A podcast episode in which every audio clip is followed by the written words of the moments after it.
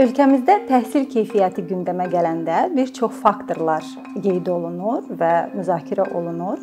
Məsələn, dərsliklərin keyfiyyəti, məktəbə qəbul qaydaları, şagirdlərin nailiyyətləri, 9-cu və 11-ci siniflərin yekun attestasiya imtahanları, rus dilində təhsilin vacib olub olmaması və çox digər faktorlar, amma bir faktor bir növ hər dəfə kölgədə qalır və bu da müəllim keyfiyyəti faktorudur.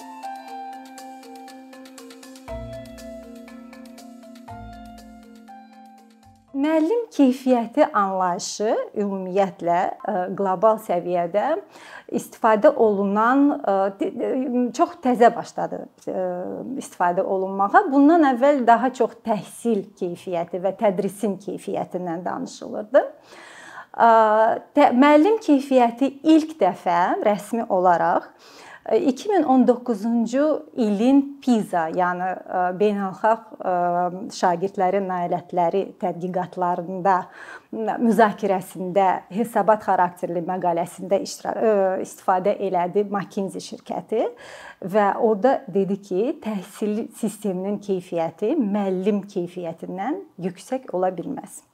Müəllim keyfiyyəti məhz 2009-cu ildən bəri başlandı müzakirə olunmağa və sırf həmin o beynəlxalq şagirdlərin qiymətləndirməsi proqramında yüksək nəticə göstərən ölkələrdə məhz müəllim keyfiyyəti məsələsinə baxmağa başladılar və müəllimin keyfiyyətinin yüksəldilməsi üçün müxtəlif tədbirlər planlaşdırmağa və həyata keçirməyə başladılar.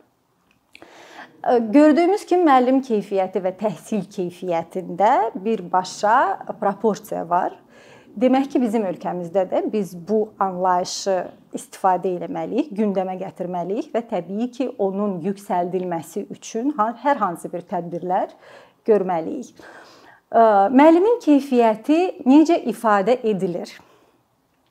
Adi bir cəmiyyətin üzvü gözü ilə baxsaq, hər hansı bir ailədə uşaq var və o uşağın məktəbə getmək vaxtı gəlir və valideynlər təbii ki, məktəbin axtarışında başlayırlar və məktəbin axtarışında qərar verilməsi üçün iki vacib meyar var. Məktəbin yerləşməsi, evə yaxın olsun, mənə rahat olsun. Mən sadəcə uşağımı aparım, 10 dəqiqədən sonra qaytarım evə. İkinci meyar müəllim. Kimsə yaxşı müəllim axtarır, daha ambisiyalı deyək valideynlər və o yaxşı müəllimin dalınca baxmayaraq harda işləyir, məktəb harda yerləşir, getməyə hazırdır. Soruşanda ki, siz yaxşı müəllim dediyində nəyi nəzərdə tutursunuz? Adi, mütəxəssis olmayan bir cəmiyyət üzvü, valideyn, ana və ya ata deyəcəklər ki, biz bilikli və təcrübəli müəllim axtarırıq. Bu artıq müəllimin peşəkar kimi keyfiyyətlərindən söhbət açmış oluruq. Çünki digər sahələrdə də elədir. Həkimi də axtaranda biz istəyirik bilikli və təcrübəli həkim olsun. Mühəndis axtaranda da bilikli və təcrübəli, veb dizayner axtaranda da təcrübəli və bilikli veb dizayner istəyirik. İndi bu nə deməkdir? Deməli hər bir sahədə çalışan bir insan peşəkar sayılması üçün hansısa kriteriyalara və normalara cavab verməlidir, qarşılamalıdır onları. O normaları e, və kriter kriteriyaları ifadə edən bir məhfum peşəkarlıq standartlarıdır. Hər hansı bir sahənin peşəkar sahə adlandırılması üçün bir neçə vacib meyarları olmalıdır. Birinci meyar odur ki, o peşə sahibləri minimum 3-5 il ərzində çox ciddi nəzəri akademik hazırlıqdan keçməlidirlər.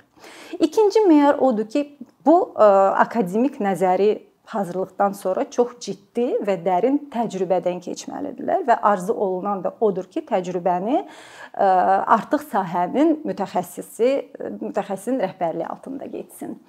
Üçüncü, qanun tərəfindən təsdiq olunmuş, tanınmış kvalifikasiyaları əldə etmək lazımdır. Dördüncü, dövlətdən müstəqil olaraq peşəkar assosiasiyalar, qurumlar yaradılır və həmin qurumlar, həmin assosiasiyalar peşə sahəsi üçün standartları və normaları müəyyən edir və daim işləyir, təklif eləyir, onların təşviqi ilə məşğul olur. Növbəti meyar odur ki, hər bir peşə sahibinin peşə sahəsində etik davranış kodu olmalıdır və hər biri tərəfindən tanınmalıdır və ona uyğun peşəkar davranığı göstərməlidir. Növbəti meyar peşəkarlıq rəyi və peşəkarlıq həm yaşıdlar dəyərləndirməsi deyilən bir şey olmalıdır. Hər bir peşə sahibi öz peşə həm yaşadılarının rəyləri ilə mütləq hesablaşmalıdır, onu nəzərə almalıdır, özü rəyi ifadə etməyə hazır olmalıdır və mütləq kritik və konstruktiv olmağı burada yəni önəmli tutmalıdır. Bütün bunlar təbii ki, dediyim kimi bütün peşə e, sahələrinə aiddir və müəllimlərin də e, peşələrinə aiddir. E, amma başqa peşələrə, məsələn, müəllim həkimlik və hüquqşünas peşə peşə sahiblərinə nisbətən müəllimlik üçün peşəkar standartları, peşəkarlıq anlayışı daha gec işlənməyə başladı. İlk növbədə ilk dəfə 1946-cı ildə Amerika Birləşmiş Ştatlarında müəllimlərin peşəkar standartları əmələ gəlmişdi və onların məqsədi məhz hər hansı bir tədris fəaliyyəti peşəkarlıq fəaliyyətinə yüksəltmək məqsədi ilə yaradılmışdı. Yəni əgər müəllimlik peşəkarlıq sahəsidirsə, deməli o peşəkarlığı təsvir edən standartlar, normalar və ölçülə biləcək indikatorlar olmalıdır. Və dediyim kimi ilk dəfə 1946-cı ildə ilk müəllim peşəkar standartları meydana gəldi və artıq 75 ildir ki, e, dünyanın qabaqcıl və qabaqcıl olmayan təhsil sistemlərə malik ölkələr müəllim peşəkar standartları işləməyə və tətbiq etməyə çalışırlar. Çünki müəllim peşəkar standartların iki vacib funksiyasını anlayırlar. Peşəkarlıq nədir?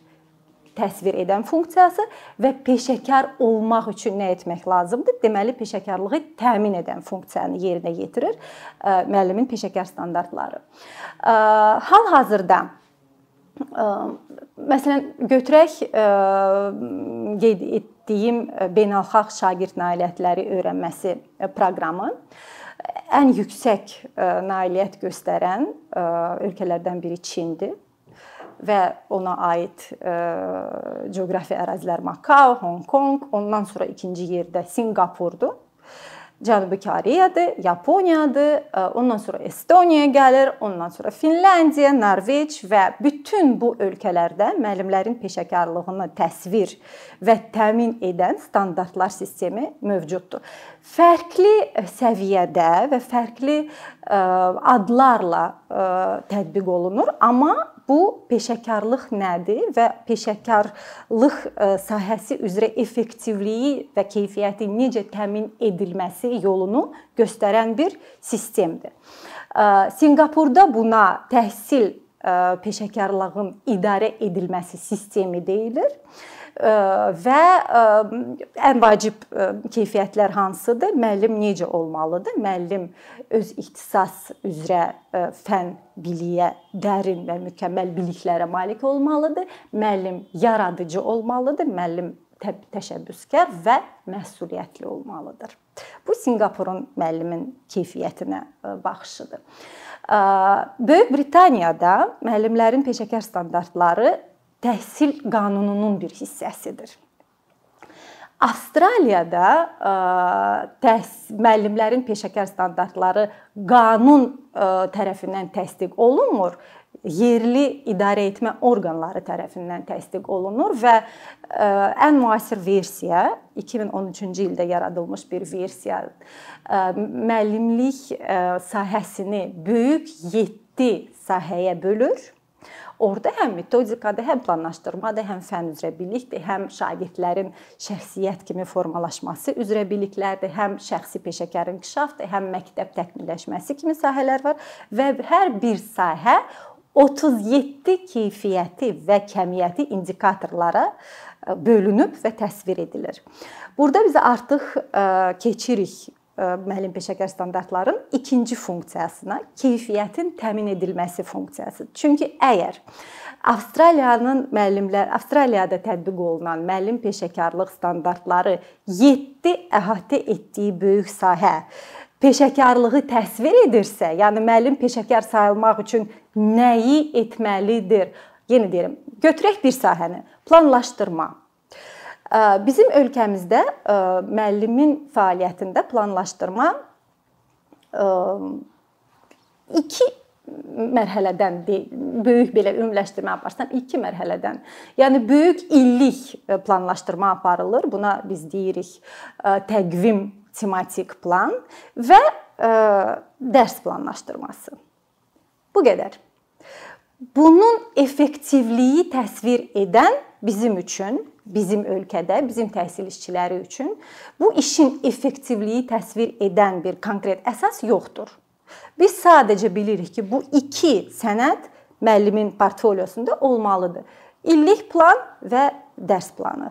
Və bundan artıq gedə bilmirik. Bu nə qədər effektivdir, bu nə qədər bütün e, şagirdlərin maraqlarını qarşılayırmı, bütün e, təlim nəticələri üçün e, səmərəlidirmi və s. bu suallara biz cavab vermirik. Çünki heç kəs bunu bizdən əslində tələb etmir. Avstraliyanın müəllimlərin peşəkarlıq standartlarında planlaşdırma 37 dediyim kimi indikatora bölünüb və orada ən vacib indikatorlardan biri odur ki, bütün şagirdlərin maraqlarını, inkişaf ehtiyaclarını və öyrənmə qabiliyyətləri qarşılamalıdır müəllim. Planlaşdırma elə aparmalıdır ki, elə bir mühit yaradılmalıdır ki, bütün sadalığım o 3 aspekt üzrə müəllim effektiv ola bilər və uşaqların göstərdiyi nəticələri bu planlaşdırmada əks olunsun. Əvvəlcədən yəni nəticə yönümlü planlaşdırma olsun. Müəllimlərin peşəkarlıq standartlarının müəllim keyfiyyətinin təmin etməsində təmin etməsi funksiyasını necə yerinə yetirir? İlk öncə hər bir müəllim peşəkar kimi standartlar obyektiv, şəffaf, ölçülə biləcək ifadələrdə və keyfiyyəti və kəmiyyəti göstəricilərlə göstərir ki, peşəkar olmaq üçün fəaliyyəti necə qurmalıdır. Bu individual səviyyədə belədir. Təşkilat səviyyəsində məktəblərin təkmilləşməsində rolu nədədir? Müəllimlərin peşəkarlıq standartları, müəllimlərin təkmilləşdirmə tədbirlərin görülməsi, planlaşdırılması üçün istifadə olunur və müəllimlərin məktəb daxili qiymətləndirilməsi üçün istifadə olunur. Çünki müəllimlərin qiymətləndirməsi də sırf müəllimin təkmilləşdirməsi üçün bir istifadə olunan bir mexanizmlərindən biridir. Sadəcə hesabatlılıq mexanizmi deyil. Beləliklə biz burada bir zəncirvari məntiq görə bilirik. Müəllimlərin peşəkarlıq standartları olmalıdır ki, müəllimin keyfiyyəti təkmilləşsin. Müəllimin keyfiyyəti təkmilləşməlidir ki, məktəb təkmilləşsin. Məktəb təkmilləşməlidir ki, şagirdlərin nailiyyətləri yüksəlsin və şagirdlərin yüksək nailiyyətləri təbii ki, təhsil sisteminin keyfiyyətinin vacib göstəriciləri olacaq. Bununla biz başa düşdük ki, mənə elə gəlir ki, mən çalışdım hər halda da elə təqdim edeyim ki, müəllimlərin peşəkarlıq standartları hər bir ölkə üçün sistemli təməl daşlarından biridir və hər inkişaf və məktəbləri təkmilləşdirmək istəyən ölkə mütləq bu instrumenti yaradıb tətbiq etməlidir. Əkinçinin yeni videoları haqqında məlumatlı olmaq üçün kanalımıza abunə olmağı və xəbərdarlıq funksiyasını aktivləşdirməyi unutmayın. İmkandan istifadə edərək cari patronlarımıza işlərimizi davam etməyə yardım olduqları üçün dərin təşəkkürümüzü bildiririk. Əkinçinin Patreon icmasının üzvü olaraq siz bizim təşəbbüsə dəstək göstərməklə bərabər hazırladığımız materialları hər kəsdən öncə izləmə imkanı əldə edəcəksiniz.